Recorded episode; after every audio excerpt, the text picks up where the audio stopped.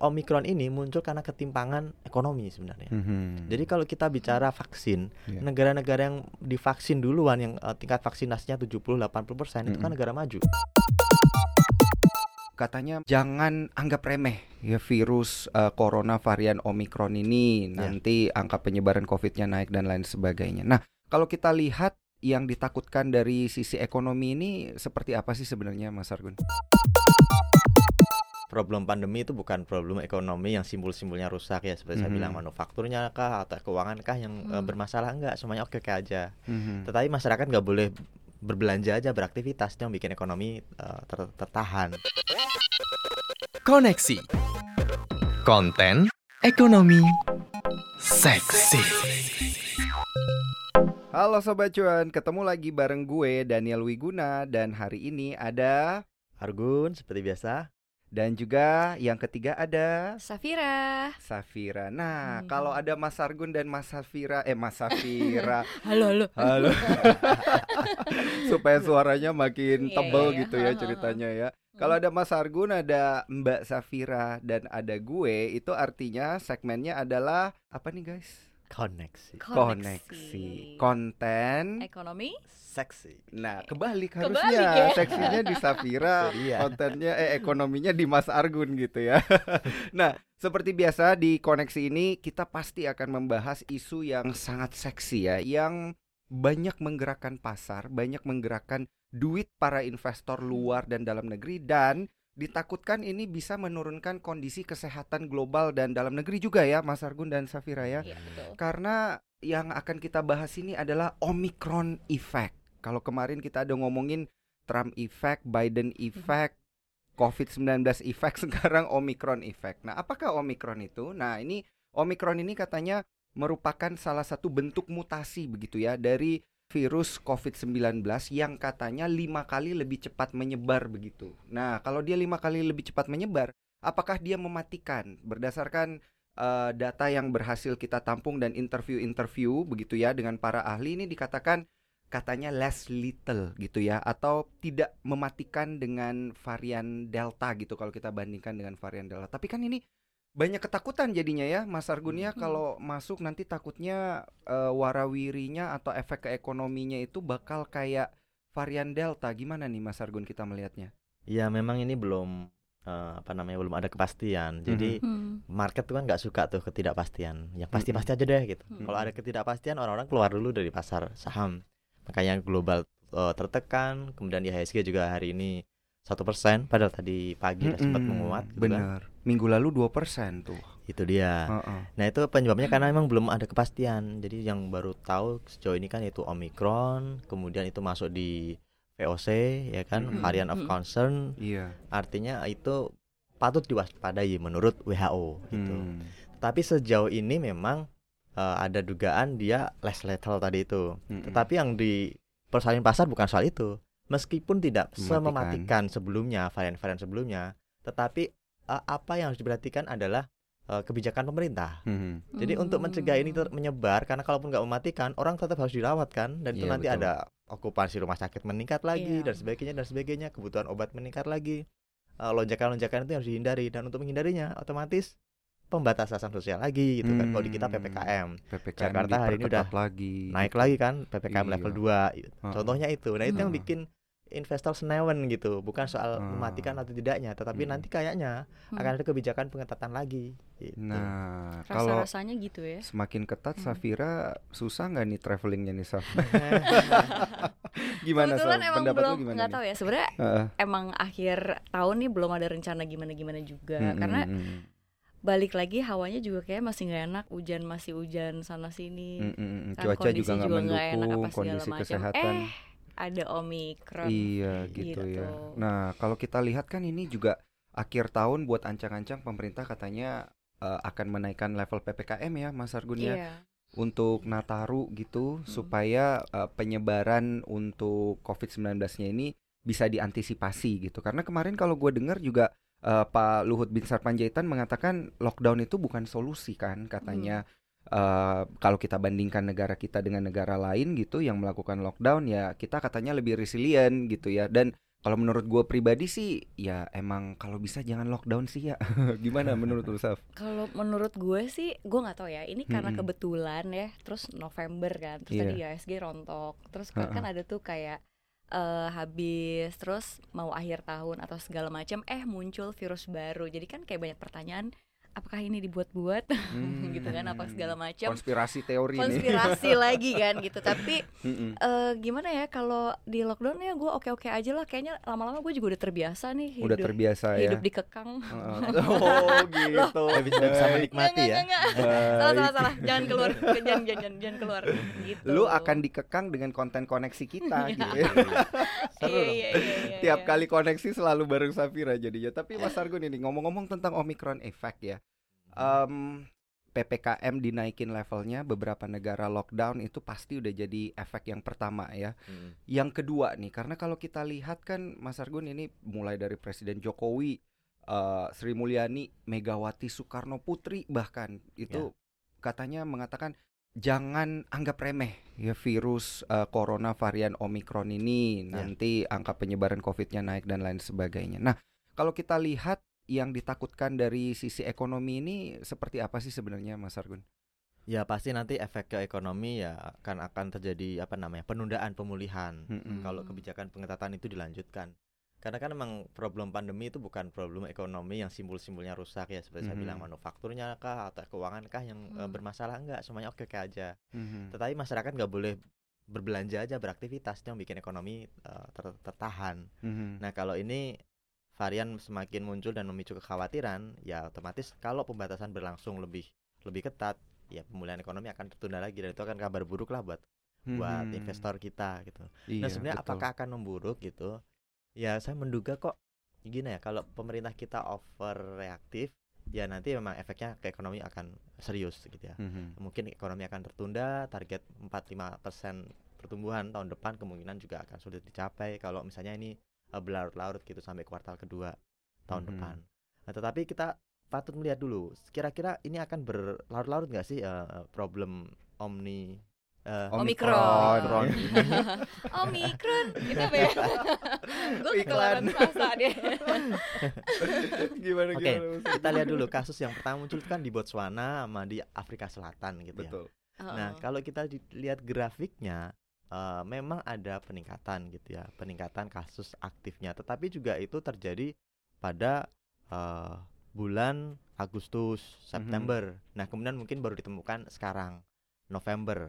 Asumsinya kalau di, udah dirawat satu bulan gitu, misalkan ini memang memang berbahaya, varian yang lethal gitu, yang mematikan, harusnya akan ada kenaikan kasus kematian gitu ya. Mhm. Tetapi di Botswana enggak, total kematian tuh bahkan flat sejak bulan Hmm. eh, Agustus Hmm. di kisaran 300-an menjadi 400-an gitu. Artinya nggak banyak eh, ke- apa namanya lonjakan yang terjadi dari sisi kematian. Bahkan rata-rata itu ya dua dua dua per hari gitu. Nggak yang puluhan orang atau bahkan ratusan. Mhm. Ini good side of eh, ya the fact gitu ya bahwa Mhm. faktanya memang di Botswana ada kenaikan kasus tetapi tidak ada kenaikan angka kematian. Eh, kemudian di- kita lihat di Afrika Selatan. Di Afrika Selatan juga sama. Total death-nya itu eh, rata-rata ya 80 per hari gitu ya. Mhm. Dan itu flat, tidak ada lonjakan. Meskipun sempat ada kenaikan kasus bulan Agustus dan September. Eh, satu menjadi 500 eh, eh, angkanya sebentar. S- Mhm. tambahannya 164, 165 rata-rata di situ gitu ya pada uh, Agustus dan sampai dengan Oktober. Kemudian tetapi aktif kasusnya kemudian turun pada bulan November ini anjlok. Artinya memang ini meng- mengindikasikan bahwa varian Omicron ini serius tidak sebenarnya memang ada, tetapi kayaknya kok nggak serius gitu. Karena kalau kita di Afrika Selatan justru bulan Oktober November anjlok gitu. Hmm. Padahal ini kan ditemukan pada bulan-bulan itu. Hmm. Dan sampai sekarang nggak ada eh, lonjakan kenaikan kasus Mhm. gitu. Jadi jangan-jangan memang itu muncul tetapi eh, gejalanya bisa jadi seperti flu biasa. Oh, gitu. Oke. Dan kalau flu biasa mah orang nggak perlu ya ini nggak perlu masuk rumah sakit, Mm-mm. dirawat di rumah aja udah cukup. Dan saya berharap ini jujur Mhm. jujur berharap ini nanti akan berakhir seperti flu Spanyol. Hmm. Dulu kan flu Spanyol juga benar. membunuh jutaan orang. benar. Tetapi kemudian perlahan di situ belum ada vaksinasi Daniel Mm-mm. dan eh, Safira dan Sobat Mm. Cuan. Tetapi kemudian ada kekebalan apa namanya imunitas secara Mm. natural, Herd immunity. herd immunity. Kemudian virusnya itu bermutasi menjadi lebih less level. Jadi hmm. udah kayak flu biasa aja gitu. Orang udah kena lagi tapi udah nggak uh, parah, langsung baik-baik saja, uh, hmm. sehat minggu dua minggu setelah istirahat. Saya berharap ini skenario yang terjadi ke depan seperti itu. Mas, tapi kalau misalkan kita belajar dari pengalaman sebelum-sebelumnya gitu, nih hmm, kita gimana? termasuk yang lambat nih. Jadi hmm. kayak kagetnya tuh lambat gitu. Kita hmm. udah diduluin sama negara-negara yang udah warning sama si virus ini. Terus kayak kemarin kayak BGS juga memastikan oh virus di mm-hmm. Omikron ini belum terdeteksi di Indo. Sedangkan data pelabuhan nih si yeah. negara-negara yang apa? Negara-negara yang terinfeksi tuh udah yang keluar masuk di kita di Indonesia gitu. Iya. Nah, baiknya apa sih kalau misalkan apa namanya uh, belajar dari sebelum-sebelumnya kita menghadapi COVID-19 gitu di awal-awal yang emang kita kayak menyepelekan gitu covid di awal-awal gitu yeah. kan ya waktu itu kan aku juga masih di lapangan tuh ya nah, pertama uh. kali tuh aku mm -hmm. uh, doorstep opung opung opung gitu yeah, kan ini gimana, gimana nih covid gimana. udah ada di Batam mm -hmm. sudahlah itu yeah, dia bilang gitu dengan yeah. gayanya gitu eh ternyata nggak lama setelah itu kan ini serius banget iya. gitu dan berdampak cuman kalau misalkan kita menyikapi ini uh, baiknya gimana sih mas dari kebijakan-kebijakan yang dikeluarkan kan juga mempengaruhi juga gitu ya Nah, kalau saya melihat sih selama ini uh, suara yang muncul dari pemerintahan ya, pejabat-pejabat tuh mereka hmm. menganggap ini serius.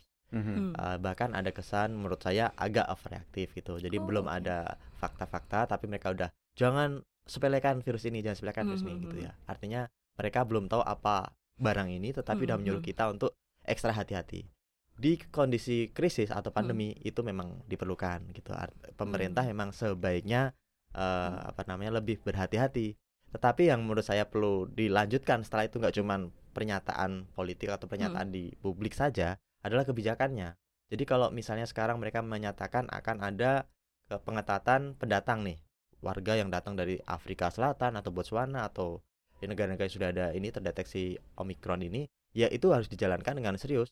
Dua hmm. minggu harus berlaku itu karantina hmm. dan kalau perlu dikasih polisi untuk jaga karena kan kemarin-kemarin itu yang banyak terjadi adalah memang orang-orang melakukan apa namanya um, apa namanya uh, karantina karantina hmm, uh, sukarela gitu ya. Yeah. Tetapi ya tidak ada pengawasan akhirnya ya ke mall juga gitu hmm. ke, uh, ke ruang-ruang publik karena emang bebas aja keluar masuk gitu. Hmm. Nah hal ini itu yang harusnya jangan sampai terjadi. Bolehlah overreaktif hmm. di publik dari sisi pernyataan itu bagus. Artinya publik juga nanti akan lebih berhati-hati uh, sense of crisisnya muncul berbarengan semua seluruh hmm. Indonesia dibangun sense of crisisnya hmm. untuk berhati-hati tetapi dari sisi kebijakan jangan kelo jangan kendor jangan slow gitu ya nah itu harus di, di, di, dijaga terutama hmm. soal ini perbatasan internasional kita semoga belum ada nih di Indonesia nah mumpung sekarang belum terdeteksi jangan diperbesar peluangnya gitu jadi ya wilayah-wilayah perbatasan itu harus diperketat. Valid nggak tuh belum terdeteksi di Indo? Ah. Aduh, aku iya, takut nah, jawabnya ini. Ini gimana iya, ini cara menjawabnya susah deh. juga hmm, kan? Hmm. Karena kalau kita lihat kan dari Omikron ini sendiri, ya tadi juga Mas Argun udah bilang uh, gimana ya kalau misal dia sampai masuk ke Indonesia hmm, dan iya. juga alat tesnya ini gimana? Apakah sama apa beda gitu yeah. ya Mas Argun untuk mendeteksi ini? Hmm. Dan juga kan angka uh, gimana ya? angka penyebaran COVID sendiri di Indonesia kan perlu kita uh, garis bawahi juga nih ya, iya. Mas Argun karena yang ngetes pun juga nggak sebanyak di luar negeri gitu hmm. kan. Hmm. Harusnya kan kalau uh, ada uh, varian seperti ini yang masuk, sepertinya uh, perlu nggak sih kita mengadakan tes juga pribadi gitu untuk mengetahui gitu-gitu, Mas Argun. Maksudnya kesadaran pribadi aja ya, gitu kan. Ya atau masih too early gitu untuk ngetes ya tunggu sebulan lagi lah lihat gitu kan ya yang penting ini aja sih kalau pribadi uh, sebelum sampai ke tes mending jaga itu protokol kesehatan uh, uh. dan jaga stamina gitu ya seandainya pun kita kecolongan ya alhamdulillah ya semoga hmm. tidak kecolongan dan kena tapi kalau kita kalau kita okay. memang uh, antibodinya kuat misalnya ya semoga itu bisa menghambat penyebaran virus itu berhenti di kita dan mati di situ atau uh, uh. inaktif di situ uh, virus ini kan unik ya. Jadi kenapa ada strain dan ada varian? Nah ini uh, Safira sama hmm. Daniel perlu tahu kalau varian itu sekarang udah banyak. Ada 4000 varian COVID-19 yang sudah uh, ini mutasinya udah 4000. Tetapi yang berakhir menjadi strain itu cuman ya ada berapa beberapa lah nggak sampai 10. Nah yang uh, yang yang dikhawatirkan tuh yang empat itu, yang alfa, beta, gamma, sama delta. Hmm. Sekarang Mm-mm. masuk lagi Mm-mm. satu uh, omikron. Omikron. Nah, apa bedanya varian sama strain? Kalau uh, varian itu ya ibaratnya ada perubahan, tetapi itu perubahan yang ada di ininya, apa namanya, ujung selnya. Jadi kalau Hmm. kita nih, uh, Daniel habis potong rambut, Mhm. nah itu Daniel varian baru. Oh. Tapi oke, kalau oke, tadi oke, uh, oke. Safira misalnya tiba-tiba jadi Mas, Mm-mm. nah itu udah Safira jadi strain baru. Oh, Oh, iya iya iya. bermutasi. Bermutasi. gitu. Bermutasi, iya iya iya. iya. baik, baik. Nah itu yang bikin uh, vaksinasi nggak bisa ngebaca. Heeh. Jadi kalau misalnya strainnya udah berbeda sekali, terkadang vaksinasi nggak bisa lagi ngebaca, nggak bisa mendeteksi jangan ini udah beda sama yang biasanya gua tangani gitu. Mhm. Biasanya gua bisa melumpuhkan orang uh, organisme seperti ini, tetapi sekarang yang muncul berbeda, dia nggak bisa mengenali. Mhm. Atau ya nggak harus jadi strain, cuman varian, tetapi varian itu perubahannya terlalu banyak dan itu Hmm. terutama di bagian ujung-ujung apa itu kan ada kaki-kakinya tuh kalau di Iya, virus itu betul. kayak rambut-rambutnya. di paku protein katanya atau Paku- spike. Heeh. spike. Heeh. Nah, paku protein itu itu jadi jalur dia untuk masuk ke sel kita. Betul. Nah, itu yang eh, vaksin berusaha untuk mencegah. Nah, kalau pakunya itu udah berubah, tadinya paku payung jadi paku apa ibaratnya Hmm. gitu. Hmm. Paku ya beton. vaksinasi Iya. vaksinasi kemungkinan tidak efektif lagi gitu. Hmm. Karena dia tidak mengenali lagi.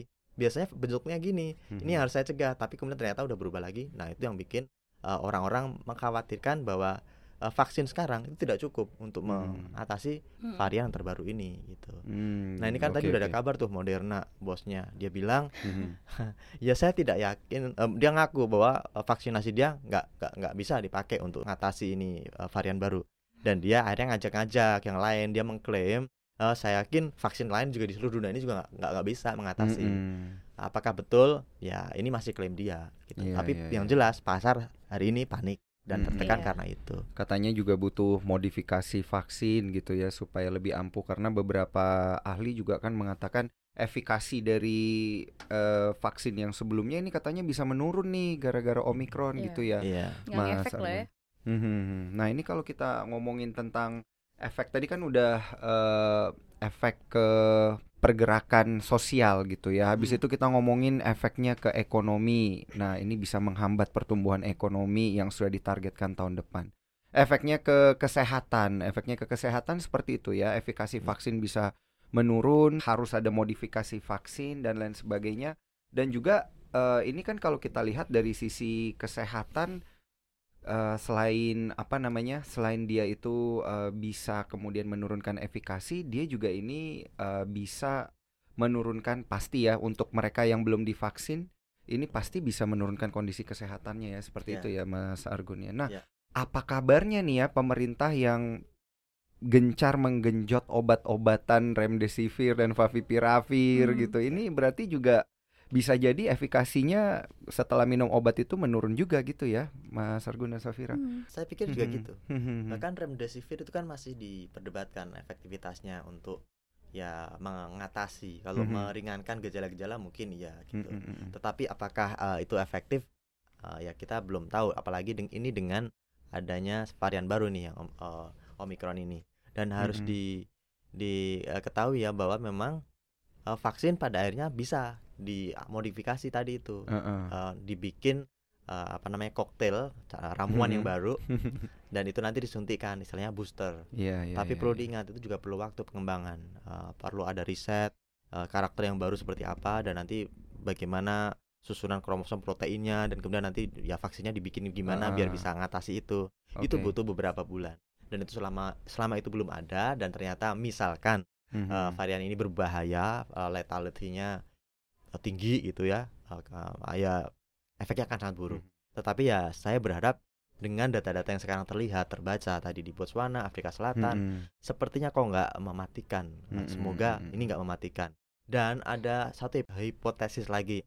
Sekarang ini kan yang banyak muncul dan berkembang eh, varian Omikron ini itu di negara-negara yang divaksin, mohon maaf dengan vaksin Barat. Mhm. Eh, Afrika Selatan itu Benar, pakainya benar, benar, empat. Hong ada Kong juga iya, ya, Hong Inggris, Kong, Italia, Inggris, Belgia, iya, Belgia, Botswana juga. benar. Heeh. Afrika Selatan tuh pakai Sinovac tapi dia keempat.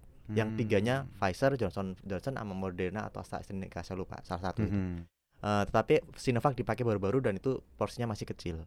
Hmm. Nah, kalau dilihat negara-negara lain yang memakai Sinovac kok kebetulan itu nggak ada lonjakan belum mungkin ya. Mhm. Hmm. Nah, ya kita berharap semoga hipotesis ini benar bahwa mungkin Sinovac cukup atau bisa untuk mengatasi eh, varian yang baru ini. Mas, mas, Hmm. bentar. Gitu. Disclaimer Gimana, dulu ini bukan endorse Sinovac ya. Siap karena kata Kementerian Kesehatan vaksin apa pun itu sama, Sama. aja guys. Lanjutkan. Niatnya Silakan. Bener juga nih kayaknya nih Safira kamu eh, orang Kemenkes ya jangan-jangan. Oke, oke, endorse. Nah Ya, ini menarik ya, banget betul. ya. Dan gue juga tadi pengen menyangkut pautkan ini ya masalah negara-negara dan efek-efek ini ya ke masalah konspirasi nih, Safira. Kenapa harus Afrika Selatan ya? Karena kan kita udah Iya. denger tuh akhirnya presiden dari Afrika Selatan itu akhirnya buka eh, unjuk bicara eh unjuk bicara apa sih istilahnya?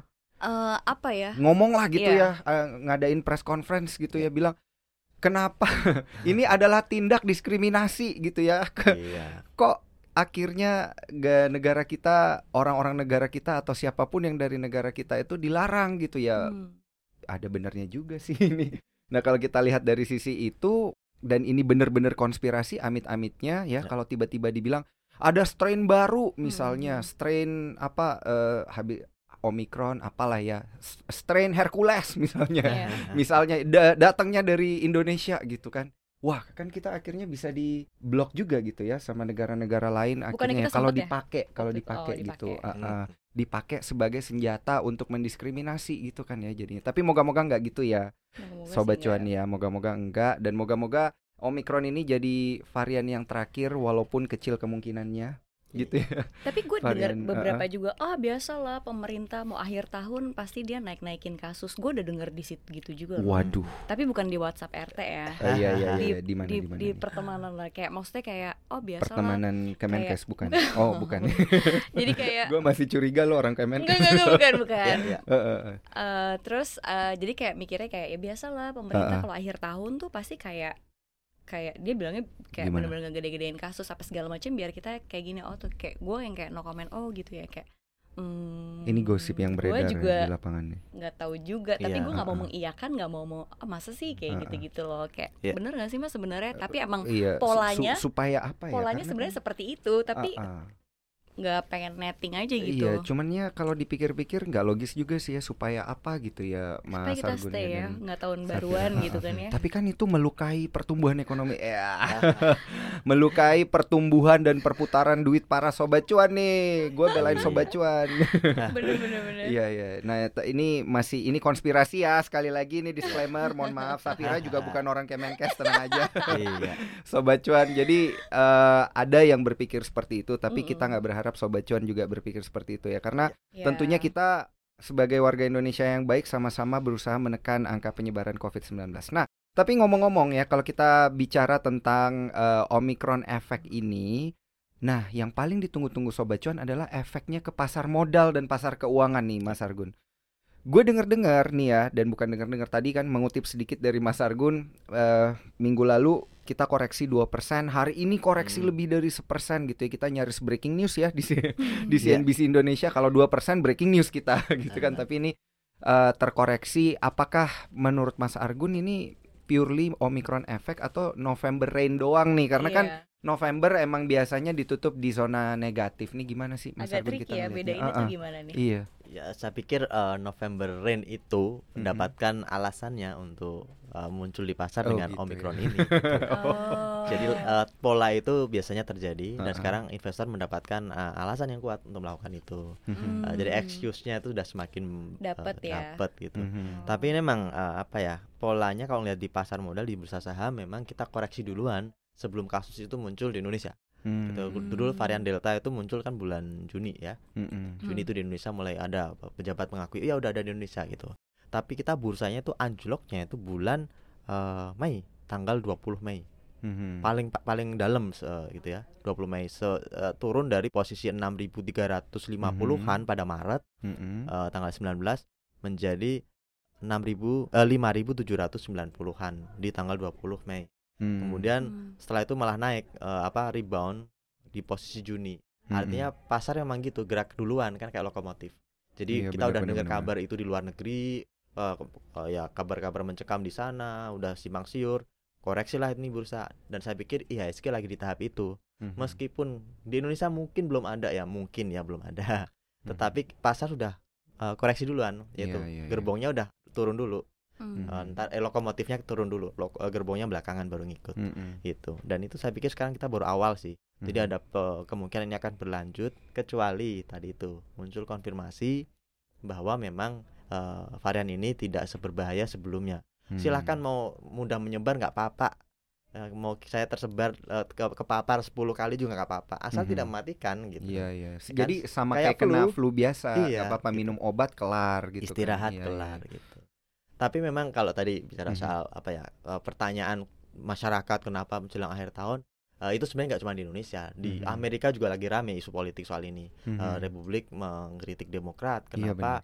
eh, ya sekarang mau diberlakukan nih lockdown lockdown lagi Hmm, hmm. Mhm. jangan-jangan angkanya dinaik-naikin gitu Mhm. jadi emang kecurigaan itu muncul karena saya pikir ya masyarakat secara natural ingin kondisi normal Mhm. gitu dan kalau bicara uh, Afrika Selatan mereka Mhm. juga protes ke- uh, dengan kondisi sekarang jadi Omikron ini muncul karena ketimpangan ekonomi sebenarnya Mhm. jadi kalau kita bicara vaksin Iya. negara-negara yang divaksin duluan yang uh, tingkat vaksinasinya 70-80% itu kan negara maju Iya. negara-negara penghasil vaksin yang maju develop itu dia dapat jatah duluan Mhm. Afrika belum. Sekarang Afrika itu baru 10-20 persen gitu. Anda bayangkan. Jadi Hmm. tidak heran ketika virus Delta merajalela di sana, ketemu berbagai macam jenis eh, masyarakat, gitu ya, organisme yang berbeda-beda, protein itu akhirnya ya eh, bermutasi lebih bermutasi cepat. lebih cepat Iya, gitu.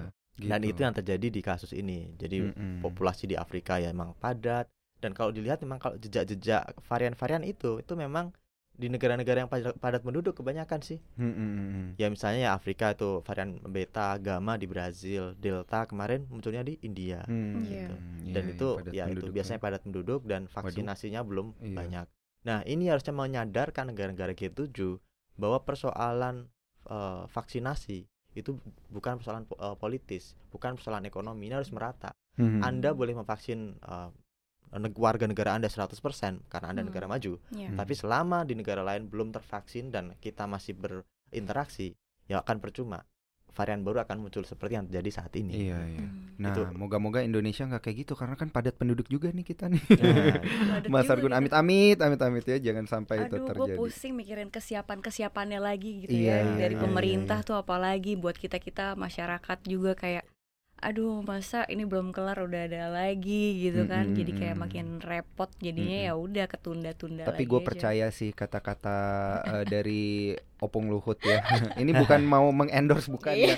Tapi beliau kan mengatakan dan gue juga merasa seperti itu sih. Kita harusnya udah lebih canggih lah ya, udah Betul. lebih siap lah ya Iya. dengan varian baru itu. Cuman Mm. Ya moga-moga nggak semematikan itu. Iya. Jadi kita nggak eh, perlu terhambat begitu kegiatan-kegiatannya dan Iya. kita nggak perlu ngelihat wisma atlet rame lagi kayak waktu penyebaran Iya. varian delta itu. Aduh. Amin, amin, Iya, amin. Moga-moga nggak kayak gitu ya. Nah, ini kita tersisa kurang lebih tiga menit lagi untuk ngomongin tips-tips yang menarik untuk eh, menangkal Omicron efek ini ya dari segala sektor kehidupan para sobat cuan, mulai dari kesehatan, ekonomi dan lain sebagainya. Gue yang duluan ya, guys. boleh boleh boleh Yang tapi pertama jangan yang biasa ya Oh, jangan yang biasa, Mm-mm. jangan yang 5M 5M gitu ya. Dari gue berarti jangan lupa mencuci tangan ya, balik.